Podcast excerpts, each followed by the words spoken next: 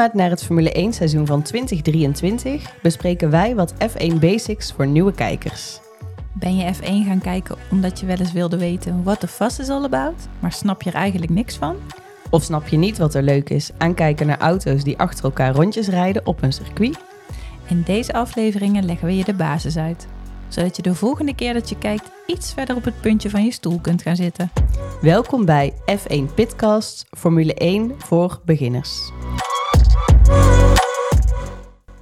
Daar zitten we weer. Uh, de laatste winterspecial die we gaan opnemen. En deze is een beetje anders dan de vorige. We gaan niet alleen wat dingen toelichten, uh, maar we gaan ook terugblikken. Want dit weekend, het laatste weekend van februari, waren de testdagen. dus we kunnen terug gaan blikken op de winter. Want komende week staat de race alweer voor de deur. En we zijn nou de wintersperiode in de Formule 1 aan het afsluiten. En uh, Isel, uh, tijdens onze pilotaflevering uh, was jij bang dat je zou gaan vervelen deze winter. Heb je je verveeld? Nee, dat was eigenlijk wel genoeg te doen. Of ja, genoeg Formule 1 nieuws om je mee bezig te houden eigenlijk. Zoals het teambaas Silly Season. Ja. Ik denk dat we dat nog nooit, tenminste ik heb het volgens mij nog nooit in deze maand nee. meegemaakt. Dat er zoveel nee. teambazen of weggingen of verwisselden. Mm -hmm. um, ik weet niet meer precies met wie het begon, maar Jost Capito is bijvoorbeeld weg bij Williams. Daar is dan weer James Valls uh, nu naartoe. Die kwam van Mercedes. Ja. Was daar nog geen teambaas, maar engineer. Ja.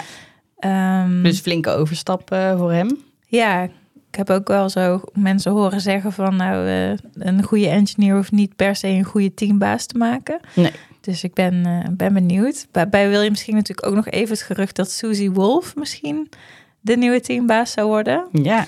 Dat, uh, dat was wel interessant geweest, denk ik. Een echtpaar uh, als teambazen. Kan je zeggen Toto voor degene, bij Mercedes ja. en Suzy dan bij Williams. Maar goed, ja. dat is dus niet gebeurd. Uh, Mattia Binotto moest natuurlijk weg bij Ferrari. Ja, ja. Die zat er aan te komen. Ook wel terecht, toch? Ja, er zijn wel te veel fouten gemaakt. En uiteindelijk is hij dan toch de eindverantwoordelijke daarvoor. Ja. Um, daar is Frederik Vasseur naartoe. Die kwam van Alfa Romeo. Fred Vasseur. uh, Andreas Seidel, weg bij McLaren. Mm -hmm. Die is dan nu naar Alfa Romeo toe. Um, dat maar dan ook, niet dat... als teambaas, maar die wordt dan CEO van Alfa Romeo. Want Alessandro Aloni Bravi die is nou teamvertegenwoordiger bij Alfa Romeo. Dus hij mag geen teambaas heten. Hij nee. heet teamvertegenwoordiger. Wat dat dan precies, wat het verschil is, wat het inhoudt, dat weten we nog niet. Te bedenken van alles, maar... Ja. Het is misschien een beetje zelfsturend team gedachte of zo. Nieuwe managementstijl. Ja. En dan heb je nog uh, uh, bij McLaren is dan nu Andrea Stella. Die werkte daar al als, uh, ook als engineer. Dus die is, heeft ook de, de ja. overstap gemaakt naar teambaas. Dus dat, dat is echt een hele hoop. Dus is er dan nog maar weinig op hun plek eigenlijk. Ja, nee, wat jij zegt. Ik kan me ook niet herinneren dat het ooit zo uh, heftig is. Bij coureurs ken je de silly season. Daar is heel vaak inderdaad, uh, zeker ook in de zomerperiode, richting de winter, dat daar bizar veel wisselingen zijn. Maar bij teambazen heb ik het nog nooit meegemaakt, nee. Nee. Het is ineens zo soort van gaan schuiven of zo. Als een schaakbord van als de een dan ergens vertrekt, dan leek het een kans inderdaad voor iemand anders te worden. Ja, het was echt zo'n sneeuwbal, wat je ja. inderdaad bij coureurs wel ziet, maar uh, ja. Nog niet eerder bij teambazen. Ja, en bij Ferrari heeft het ook meteen uh, impact, gelukkig maar denk ik. Want uh, wat je inderdaad zei, er zijn afgelopen seizoen echt te veel fouten gemaakt binnen het team. Gewoon verkeerde strategiekeuzes. nou, zoals we zeiden, Fred Vasseur is daar nu de teambaas en die heeft dus meteen ingegrepen hun chief strategy, dat was uh, Inaki Rueda. Die heeft zijn plek aan de pitmuur moeten afstaan. Dus hij is nog wel nog steeds actief bij Ferrari, maar uh, niet meer in de rol van chief strategy. En hij is nu vervangen door uh, Revin Jane, als ik het zo moet uitspreken, of Jane. Um, dus ja, daar is meteen wel al even de bezem uh, ook door het team gegaan. Ja, met zijn komst. is ook nog bij Ferrari, maar ik weet eigenlijk niet wat, die, wat zijn functie nu is. Nee, maar in ieder geval is mij echt heel erg intern. Ik geloof dat hij meer op de fabriek zeg maar gaat doen en minder bij de raceweekends echt uh, betrokken gaat zijn.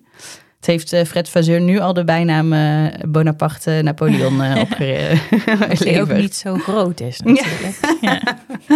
nee, het is ook een klein mannetje, dat klopt. nou, wat me ook wel bezig heeft gehouden, of ja, bezig heeft gehouden in de winter, Um, dat verbod wat er op een gegeven moment kwam vanuit de FIA op uh, politieke uitingen van de coureurs. Ja, vind ik echt belachelijk. Ja, want eh, hiervoor deden coureurs wel eens een soort statement, bijvoorbeeld via een helm of door een t-shirt te dragen. Dat heeft Hamilton bijvoorbeeld wel vaker gedaan. Ja, en racism en uh, of een regenbooghelm. Ja. Vettel was er natuurlijk ook uh, altijd iemand die dat veel deed. En dat zou dan nu niet meer mogen. Ja, ik denk, het zijn toch gewoon mensen, geen robot. Uh... Nee.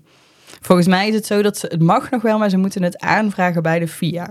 Ja. En dat moet volgens mij twee weken van tevoren of zelfs een maand of zo. Dus ja, ik kan sowieso eigenlijk bijna niet meer inspelen op actualiteiten. Nee, en de FIA kan dan neem ik aan ook nee zeggen. Dus ja. het is uh, een flinke beperking van, je, van de vrijheid van meningsuiting. Ja. Terwijl ik het juist zo mooi vond dat die coureurs hun podium eigenlijk op zo'n mooie manier gebruiken. Ik bedoel, ja, zij hebben een miljoenen publiek heel vaak is het juist zo gaaf dat ze dat ook echt ja, voor goede dingen inzetten. Ja. Ja, er waren natuurlijk ook meer mensen het niet mee eens. De, de meeste coureurs zelf, denk ik, uh, zijn het er ook niet mee eens. Nee. Um, en ik denk dat dit ook wel een van de dingen was die er aan heeft bijgedragen dat uh, de via uh, president Ben Sulayem een stukje of een stapje terug heeft moeten zetten. Ja.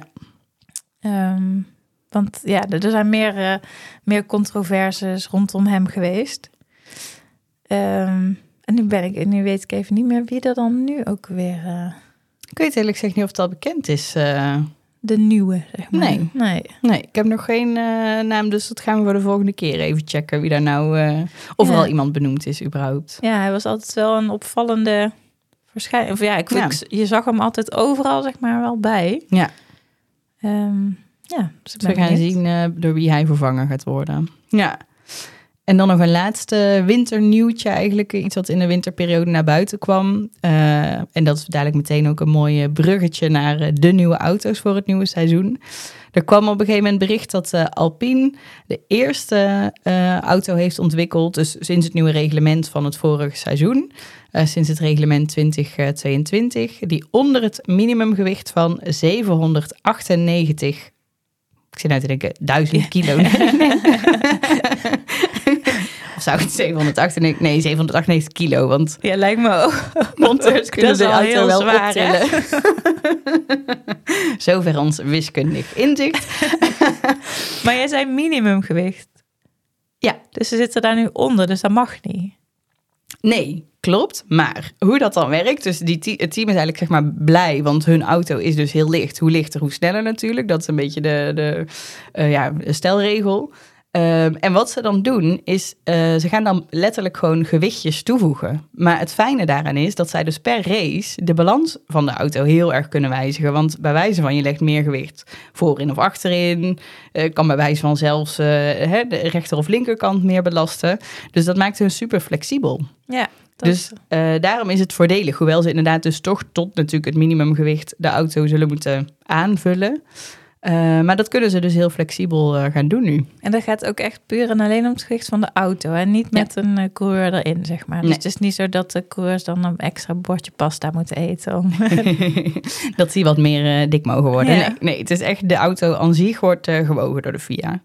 Ja, dus daarom inderdaad houden ze van kleine, dunne coureurs. Passen goed in de auto. En Patty, heb jij nog naar de presentaties van de nieuwe liveries gekeken? En voor wie nog niet weet wat een livery is, dat is eigenlijk het uiterlijk van de auto. Ja, uh, nee. het was toen ik dit draaiboek uh, ging lezen dat ik dacht, oh ja, die moet ik misschien eens heel even terug gaan kijken. Dus dat heb ik wel heel netjes gedaan, maar ik heb er geen ene live gezien. Ben jij er wel uh, voor gaan zitten? Nee. Omdat ik ook eigenlijk, ik vind het uiterlijk van de auto's niet het leukste, boeiendste nee. aan Formule 1 eigenlijk. Nee, ik denk wij zijn ook allebei wat dat betreft niet echt technische kijkers. Dus mij valt niet direct op dat een achtervleugel uh, zo bizar anders is dan andere jaren. Dus nee, nee. dan uh, ja, zie je daar inderdaad niet zoveel aan. Ik moet wel zeggen, dat heb ik echt al sinds dat ik Formule 1 kijk. En inderdaad in die winterperiode had je toch niet zo heel veel te doen op dat vlak. Dat ik dan wel iedere week even ging kijken of die data al bekend waren van wanneer het dan naar buiten kwam. Dat je dat in ieder geval wist. Ja, je ging er niks mee doen, maar... was je in ieder geval weer op de hoogte. Nou, en zeker vroeger ging dan wel de foto's opzoeken. Dat vond ik dan op zich nog wel leuk. maar ja, het is ook wel jaren echt een hele show geweest hoe die auto's onthuld werden. Want er is een beetje een verschil tussen inderdaad een team heeft op een gegeven moment de uh, inderdaad echt de presentatie van de nieuwe auto. Dan wordt inderdaad delivery, zeg maar, de buitenkant, die wordt uh, bekendgemaakt. Maar daarna hebben ze nog, of dat noemen ze eigenlijk het launch moment, de launch of the new car. en daarna is er dan nog een shakedown. Dus dan is er een moment waarop het team even met die auto kan gaan rijden. Dat zijn eigenlijk de allereerste rondjes van de nieuwe auto's. En dat vind ik dan eigenlijk ook wel weer leuker om te zien dan überhaupt heel die show eromheen. Uh, en je ziet zeker, uh, we gaan ze dadelijk even een beetje bespreken, de launches van afgelopen jaar, dat daar wel echt veel verschil zit tussen de teams met veel geld en minder geld. Of dat dat vroeger in ieder geval zo was. Dat er echt grote shows tussen zaten die de minder rijke teams gewoon überhaupt niet kunnen aanbieden, zeg maar.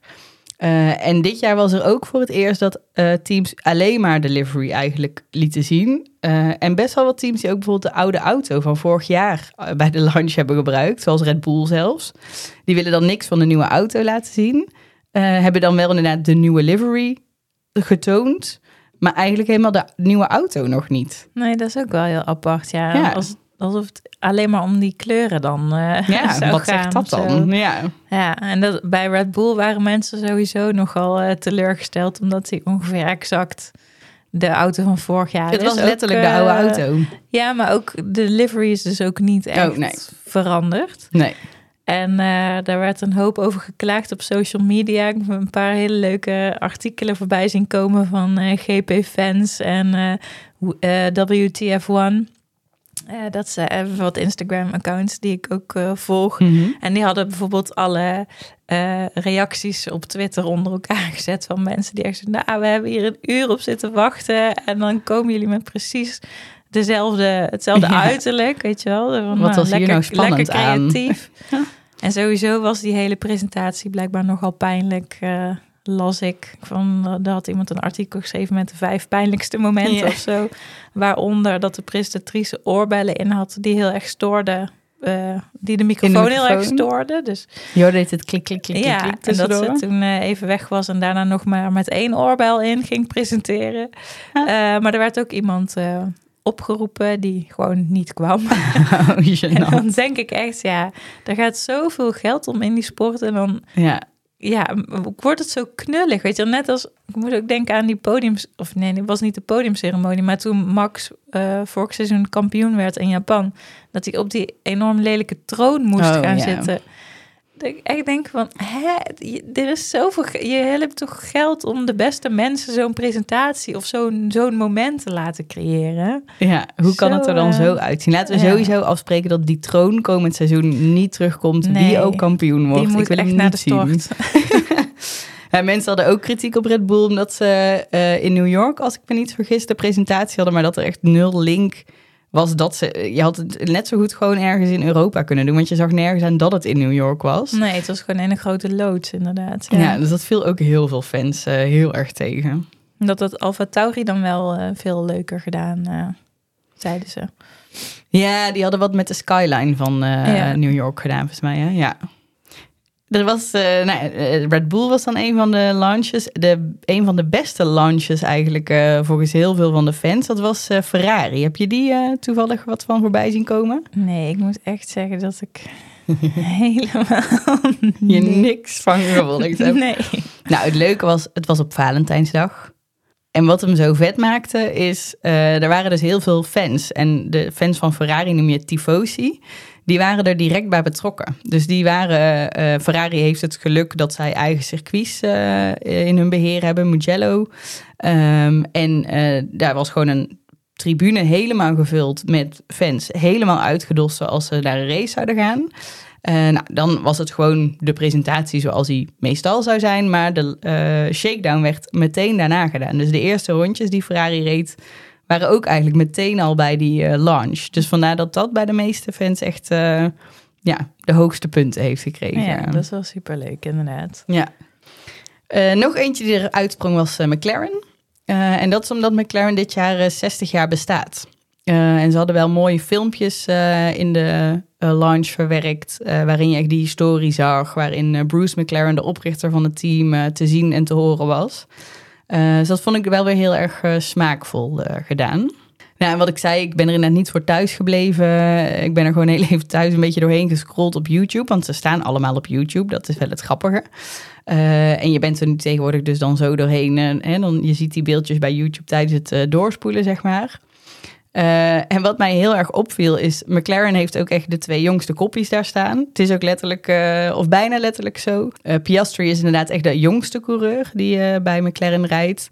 Uh, Sargent en Tsunoda zitten er dan nog tussen, maar dan is Lando Norris uh, de jongste in het veld dit jaar. Dus, maar dat is ook echt aan hun uh, hoofdjes zeg maar te zien. Mhm. En als je ze zo allemaal naast elkaar ziet, dan valt het ook enorm op dat bij Alfa Tauri, Nick de Vries, Yuki Tsunoda, dat dat echt de kleinste jongens in het veld zijn. Het was een beetje, als je het dan, ik geloof dat ik ze ook net na Alpine met Ocon als langste coureur van het veld, maar dan lijken het bijna een beetje dwergjes naast die auto. Uh, dus dat was heel erg opvallend als je ze zo uh, naast elkaar zag. Alpine uh, die wilde ook hun onthulling een beetje spannend maken. alleen was het jammer dat zij hadden al een shakedown met de auto gedaan. En daarvan waren gewoon al foto's te vinden op social media. dus ze deden nog een soort teasers op hun Twitter-account met een klein fotootje van een, een, klein reepje van de auto. Zo van, oeh, gaat deze livery er dit jaar uitzien? Uh, maar je zag gewoon heel de auto al op Twitter als je naar andere accounts keek. Uh, maar goed, uh, er was wel ook een positief puntje bij Alpine te noemen. het was namelijk het enige onthullingsmoment waarbij een vrouw echt lang en inhoudelijk aan het woord geweest is. Wat me sowieso opviel, bijna ieder team had een vrouwelijke presentator. Mm maar voor de rest waren er bij sommigen wel wat vrouwelijke coureurs die zij in hun jongerenprogramma bijvoorbeeld hebben zitten aan het woord. Uh, maar eigenlijk uh, verder niemand die iets over uh, het team en het beleid zeg maar, kwam vertellen. Maar bij Alpine hebben ze een programma gelanceerd. Dat is blijkbaar deze zomer al zo geweest. Ja, als je het leest, staat er eigenlijk gewoon racher. maar ik denk dat het zeg maar de samentrekking van race en her. Dus racer. Ja, ja. een soort net zoals her story in plaats van history. Race her. het klinkt voor geen meter. Maar goed, uh, wel heel positief dat zij dit programma überhaupt hebben als team. En uh, daar dus inderdaad veel aandacht hebben voor uh, hoe zij vrouwen kunnen coachen. Ze hebben een andere topsportvrouw zeg maar, in dat programma aangenomen. Dus van buiten de Formule 1. Maar die meer kan vertellen aan de vrouwelijke coureurs die ze aan het opleiden zijn. Van hoe ga je nou om ook met überhaupt de topsport bestaan. Dus ja, vond ik wel heel positief. Ja. En welke livery vind jij nou het mooist? Ja, welke livery vind ik dit jaar het mooist? Ik vind, het, ja, nee, ik heb er dit jaar niet echt één die er heel erg uh, uitspringt. Uh, die van Ashton Martin is eigenlijk een beetje hetzelfde als vorig jaar, maar ik vind dat kleur groen... is wel anders, hè? Het is wel echt een mooiere kleur groen nog Het is nog iets dieper, lijkt het, hè? Ja, ja, dat vind ik wel echt heel uh, tof eruit zien. Ik begreep wel dat dat is een soort metallic verf of zo, en die, die schijnt dan wel zwaarder te zijn dan oh, gewone verf. Mm -hmm. En dat begrepen ze ook van de Mercedes, die nu ongeveer bijna helemaal uh, zwart is, wat er ook wel heel erg mooi uitziet. Um, maar die hebben dan eigenlijk de minste verf gebruikt, omdat je dan hm? maar uh, ja, het meest in één kleur hebt. En ja. dat bespaart dan weer een heel klein beetje gewicht. Dus ja, zeker. Dat heeft misschien ook wel echt een rol gespeeld bij het ontwerp. Ja. Ik vind zelf Williams ook een hele mooie kleur uh, blauw hebben dit jaar. Ja. Maar inderdaad, Aston Martin Williams en ook de Mercedes vind ik ook wel erg, erg mooi. Zo uh, zwart met een heel klein beetje dat uh, groen-blauwige, hoe noem je het, turquoise of zo, ja. wat zij hebben. Ja. ja. Ja. een beetje die diepere kleuren, die vinden wij wel mooi in die auto's.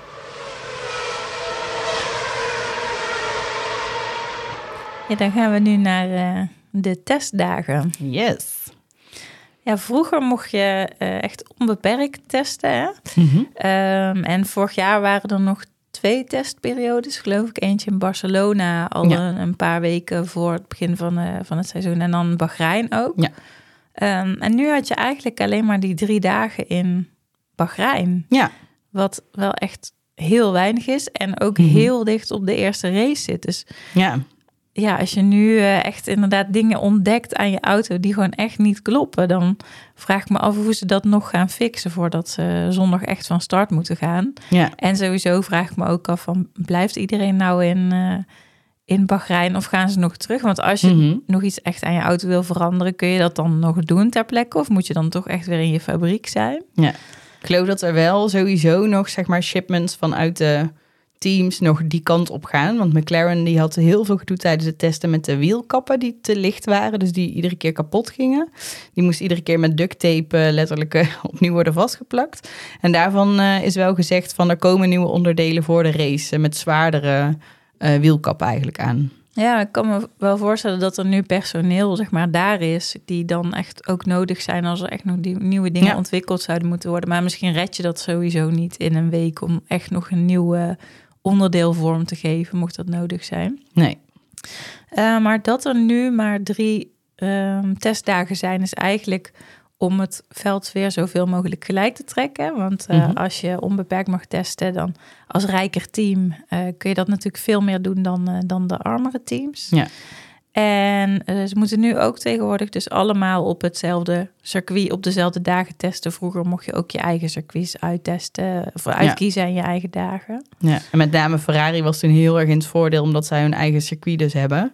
Uh, dus die konden bij wijze van uh, de middag iets ontwikkelen in de auto en diezelfde dag nog ook het op het circuit een keer uittesten. Maar dat kan dus nou niet meer. Nee, dat vind ik op zich een goede ontwikkeling. Ja, zeker. Lijkt me alleen dat drie dagen echt wel heel erg weinig is. Ja, en vooral... Ook omdat ze maar met één auto testen, vind ik ook wel heel apart. Ja, ja, en wat je daar ook zag, is dat er een aantal keren, als er dan gedoe is met de auto uh, richting het einde van een sessie, dus je hebt een ochtend- en een middagsessie en dan uh, is er op een gegeven moment zeg maar lunchpauze. Als je dan een half uurtje voor die lunchpauze zat, zag je bij teams echt wel een beetje de discussie van, ja, op een gegeven moment moeten zij de auto ook gaan ombouwen inderdaad voor de volgende coureur. Dus dan kozen ze er soms voor, ja, dan gaan we maar niet nog in dit half uur ons best doen om dit te fixen, dan gaan we hem ook meteen omgooien voor de volgende. Ja, dus dat had Red Bull op zich wel slim gedaan, toch? Door gewoon Max en Checo een eigen dag te geven eigenlijk. Dat ze de hele dag gewoon in die auto konden zitten. Ja. Dan heb je naast het testen ook dat uh, uh, teams krijgen daarvoor geloof ik nog één dag of 100 kilometer. Mm dat ze extra mogen rijden, maar dat is dan vooral bedoeld om promotievideo's te maken. Ja. Uh, dan krijg je, mag je ook niet op racebanden, maar echt speciale banden die Pirelli daarvoor beschikbaar stelt voor die dagen. Ja. Uh, maar ja, tuurlijk kan je wel iets uitproberen, want je, je rijdt wel op de baan. Dus, um... Omdat er nu zo weinig testdagen zijn, gaan teams dat natuurlijk toch slim gebruiken. Dus ja, dat, uh, dan zie je net dat een beetje de trucjes uit de, de, kast komen. Van ja, we zijn een filmpje aan het opnemen, maar we doen ook nog heel even een paar onderdelen die we uitproberen hier. Ja, wat je ook zag is, um, of wat teams nu doen, is flow vis, dachten we, hè, ja. dat, je, dat je het zou uitspreken. Uh, verf op de auto spuiten, dat is een speciale verf waardoor je kan zien hoe de luchtstromen over de auto's gaan. En je ziet ze ook wel uh, rondrijden met een soort hele rare ijzeren constructies, antennes lijken het wel. Uh, Wat je wel eens ziet na knieoperaties, dat mensen zo'n stellage buiten die knie om hebben, zo, uh, maar dat op een auto. Ja, die noem je dan aero rakes. En die mhm. zijn dus ook bedoeld om die luchtstroom te meten tijdens de testdagen. Ja.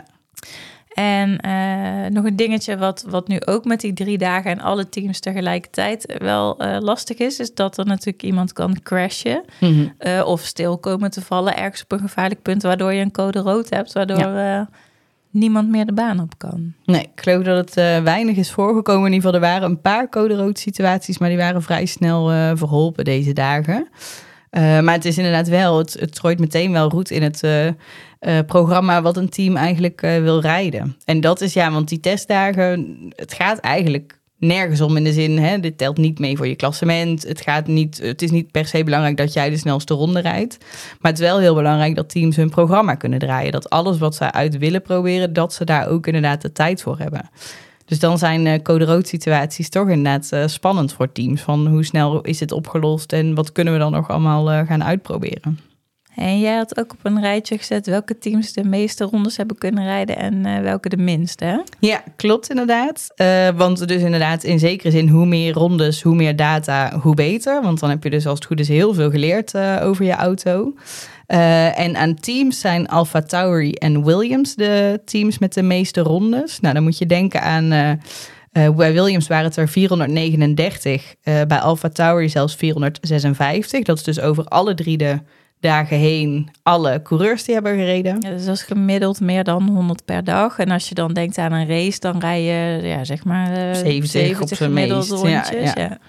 Uh, en het team dat de minste rondes heeft kunnen rijden is McLaren. McLaren had een hele hoop gedoe. Uh, wat, wat, ik net zei met die, uh, die wielkappen, wat iedere keer misging. Er waren nog pedalen stuk.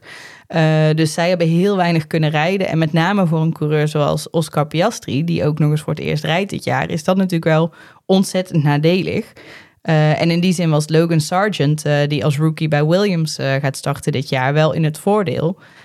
Want ik heb het ook per coureur nog even opgeschreven. Die heeft bijvoorbeeld 229 rondjes kunnen rijden. En Piastri maar 170. Ja, Nick de Vries had geloof ik ook heel veel kunnen rijden. Hè? Ja, klopt. Uh, Nick de Vries en Fernando Alonso waren de twee coureurs met de meeste rondes. En Nick is inderdaad eigenlijk ook nog wel een rookie. Dus ook voor hem is dat heel uh, voordelig. Hij zat op 246 uh, rondes. Alonso heeft er zelfs 270 kunnen rijden. En dat was het meeste van iedereen dit jaar. Ja, wat ik wel... Um ja, apart vind, is eigenlijk dat je zo weinig kan aflezen hè, aan deze testdagen nog. Dus ja, je, zag inderdaad iedere dag wel uh, statistieken van die was de snelste en dit waren de tijden. Mhm. Maar je hebt gewoon geen idee wat mensen aan het uitproberen zijn, hoeveel brandstof ze bij zich hebben. Um, dus je kan ze eigenlijk nog helemaal daardoor niet goed vergelijken. Nee. Nu, nu lijkt Red Bull echt super sterk. Ja. Uh, maar ja, of dat zo is, gaan we echt pas zondag uh, ja, zien natuurlijk. De vergelijking is heel moeilijk uh, te maken nu inderdaad. Maar goed, de grap is wel dat veel teams wel ook onder de indruk lijken van wat Red Bull heeft neergezet. Dus ergens kijken ze toch echt wel naar elkaar. ook wel wetende van ja, het lukte Max iedere keer om in één of twee rondes echt de snelste tijd meteen neer te zetten. Dat zegt toch misschien ook wel iets over dat die auto gewoon makkelijk bestuurbaar is. Dat je hem snel onder de knie hebt, zeg maar. En daar zijn volgens mij wel veel teams en coureurs wel een beetje van geschrokken dat dat zo was. ja, en ik dacht ook van je kunt coureurs onderling ook niet zo heel goed vergelijken. Hè? Want in principe zou je denken, oké, ze moeten dus allemaal, allebei in dezelfde auto. Dus dan, mhm. dan kun je juist zien wie is de betere. Maar ja, je, weet natuurlijk niet welke opdracht ze mee uh, krijgen. Nee. Plus dat het ook nog eens zo is, uh, teams die dus vaak wel de ochtend- en de middagsessie met hun coureurs afwisselen. Uh, baanomstandigheden verschillen daardoor best wel veel. Dus ochtends en aan het einde van de dag natuurlijk veel kouder, middags veel warmer. Dus ook daar zitten verschillen in waar je inderdaad nooit helemaal de vinger op kan leggen van... was de baan gewoon heel snel op het moment dat je reed of was jij zo goed op dat moment? Ja, want het viel me op de tweede dag wel op dat het verschil tussen Max en Perez qua rondetijden zo groot was. Ja. Ehm, maar de, een dag later uh, zat Perez er wel gewoon hartstikke goed bij. Ja, en eigenlijk misschien wel het meest opvallende team vond ik uh, Ashton Martin. Die zaten er en uh, goed bij qua rondetijden. Dus Alonso heeft echt een paar keer echt goede rondjes gereden. Maar ze hadden ook heel veel pech. Heb je meegekregen wat er uh, Lance Stroll is overkomen? Ja, ja, die heeft een fietsongeluk gehad hè? en beide polsen gebroken. Ja, begreep is het ik. Dus, gerucht. Dus, het wordt ook nog heel spannend of hij zondag gaat halen. Of hij gaat kunnen racen. Nou, als je je bij de polsen gebroken hebt, dan denk ik dat je er wel een paar weken zeker uit zal liggen. Ja, volgens mij is het mysterieuze dat ze wel naar buiten hebben gebracht dat hij geopereerd is. Maar zonder te zeggen of dat nou inderdaad ook afgelopen week gebeurd is of al eerder. Dus er is inderdaad heel weinig af te lezen aan uh, wanneer die hersteld zal zijn. Waarom zouden ze dat zo geheimzinnig houden? Want dat maar, ja. Goeie vraag. Dat ja, vraag me ook af. En ik zou niet weten wat een hersteltijd voor zo'n operatie is. Maar het lijkt mij inderdaad ook dat van gebroken polsen allebei je toch ook best wel lang moet herstellen. Ja, maar zeker ja, je, hè, omdat ze dan geen stuurkracht gingen hebben. Je hebt ja. natuurlijk echt flink veel kracht nodig in je, ja. in je polsen. Robin Freins is in de Formule E ook gecrashed. Dus de die had Formule... ook zijn pols gebroken. Ja. ja. En volgens mij werd daar wel over gezegd dat hij echt wel een aantal races zou gaan missen. Ja, er ging nog een gerucht dat Sebastian Vettel dan uh, misschien terug zou komen. Dat ze die misschien gingen bellen. Ja, en tijdens de testdagen heeft een uh, testcoureur Drugovic, je zou zeggen, klinkt als een loesje rush. Het is een lekkere rush. Het is een uh, Braziliaan. Ah, oké. Okay. Dat is ik ook niet. Hele jonge jongen ook nog, nou ga ik zijn leeftijd raden, maar ik dacht 22, misschien zelfs nog iets jonger. Maar het is inderdaad nog onduidelijk of hij dan nu gaat rijden of ze Vettel inderdaad gaan bellen. Nee, ze hebben wel bevestigd dat, uh, dat het Drukovic zou okay. oh, worden. Ja. ja. Nou, dat zou betekenen misschien nog een rookie erbij als dat zo doorgaat. Oh ja, bij Ferrari was inderdaad een, raar fenomeen te zien. Dat was dat hun neus gewoon een beetje indeukte. Ja. En ik zag net nog een plaatje op Instagram dat iemand zei... Daar zit de geheime uh, voorraad pasta zit daar, zit daaronder. Nee, het gekke was inderdaad op het rechte stuk, als ze heel hard reden, dan deukte inderdaad de voorneus een beetje in. Dan zag je echt een soort van bobbeltje. Het leek denk ik wel op een pasta-bord inderdaad, als je het uh, close-up had gekeken.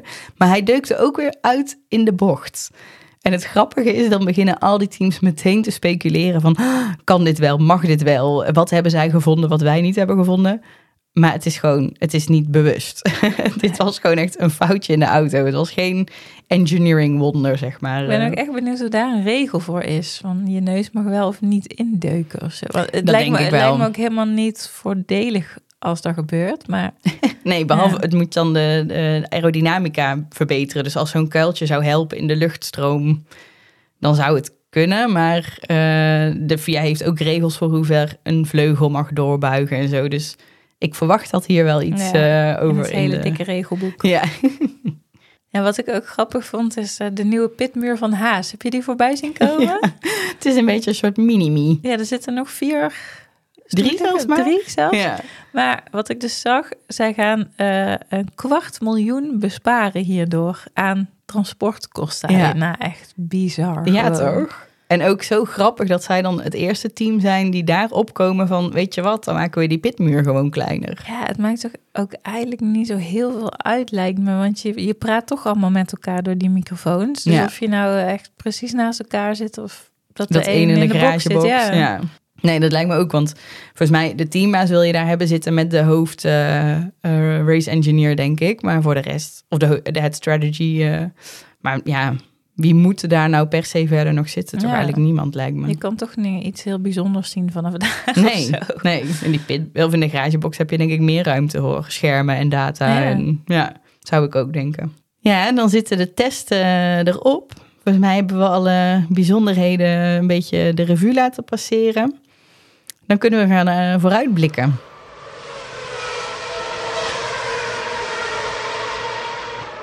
En misschien uh, één woord wat volgens mij wel de test uh, dit jaar samen heeft gevat, wat ik echt heel veel coureurs heb horen zeggen, is evolutie. dus in, in plaats van revolutie? Precies. Dat vorig jaar door het nieuwe reglement echt revolutionair nieuwe auto's waren. Dit jaar is alles echt gewoon door ontwikkeling en verbetering van de auto van vorig jaar. Wie uh, denk je, Isel? Wie wordt het dit jaar? Ja, toch verwacht ik dat Red Bull wel weer echt heel sterk gaat zijn. Um, en, maar ja, nu met nieuwe leiding van Ferrari zou het ook heel goed kunnen als, uh, als Fred, Fredje echt de boel goed op orde krijgt. Ja, ze hadden natuurlijk gewoon op zich wel een hele goede auto. Dus uh, dat kan wel echt een bedreiging vormen. En Mercedes, ja, dus, daar is dan nog zo weinig over te zeggen eigenlijk, hè, door die testdagen. Ja, die hebben net denk ik te weinig kunnen laten zien, zeg maar, uh, deze testdagen. Ze hebben niet superveel gereden, waren een beetje middenmoot qua rondes ja, ik verwacht uh, dat die misschien toch nog best wel een verrassing kunnen zijn. En McLaren, had je... Oh jee. Ja. Ik heb echt er een hard hoofd in voor ze dit jaar. Heb je de foto gezien van het hele zielige hoofd van uh, Norris? Nee. ja, die keek echt heel uh, bedrukt. En uh, Zack Brown nou. heeft ook wel toegegeven hè, dat ze veel van hun ontwikkeldoelen eigenlijk niet behaald hebben. Nee, een slechte winter gehad, slechte wintertest. En dan heb je ook nog eens, kijk, Norris is inmiddels redelijk ervaren, maar eigenlijk heb je gewoon nog twee hele jonge coureurs daar zitten. Ja, ik vraag het me af uh, of dat wat wordt dit jaar. Dus uh, ja, dan misschien toch uh, weer Red Bull inderdaad. Helmut Marco was wel een beetje aan het grappen dat, het eigenlijk, dat hij het bijna angstaanjagend vond hoe goed het deze winter is gegaan. En dan stapt Max in en dan rijdt hij ook nog eens in een paar rondes de snelste tijd eruit. Het is een beetje hopen dat het niet zo is als wat ze in theater zeggen. Een goede generaal is een slechte première en andersom. Ja, Nee, dat, uh, dat zou jammer zijn voor ons. Maar toch hoop ik ergens wel ook, hoewel die dan ook wel een goede repetitie heeft gehad, dat Alonso nog wel kan gaan uitblinken komend jaar. Ja, ja die heeft dan weer gezegd dat Stroll wereldkampioen kan worden. Niet dit jaar al, maar... Ooit in de, de toekomst. Ja. ja, we zullen zien. Ja, dan, dan kun je ook zien hè, dat geld veel mogelijk maakt. Zeker. Nou, dan was dit onze laatste winterspecial. Eh, uh, 5 maart eh, ga voor de tv zitten. Eh, wij gaan er dan klaar voor zitten en we gaan dan iedere dinsdag na de race met een nieuwe aflevering van F1 Pitcast bij jullie zijn. Yes. Dankjewel voor het luisteren. Tot dan. Tot dan dan. Dikke doei doei.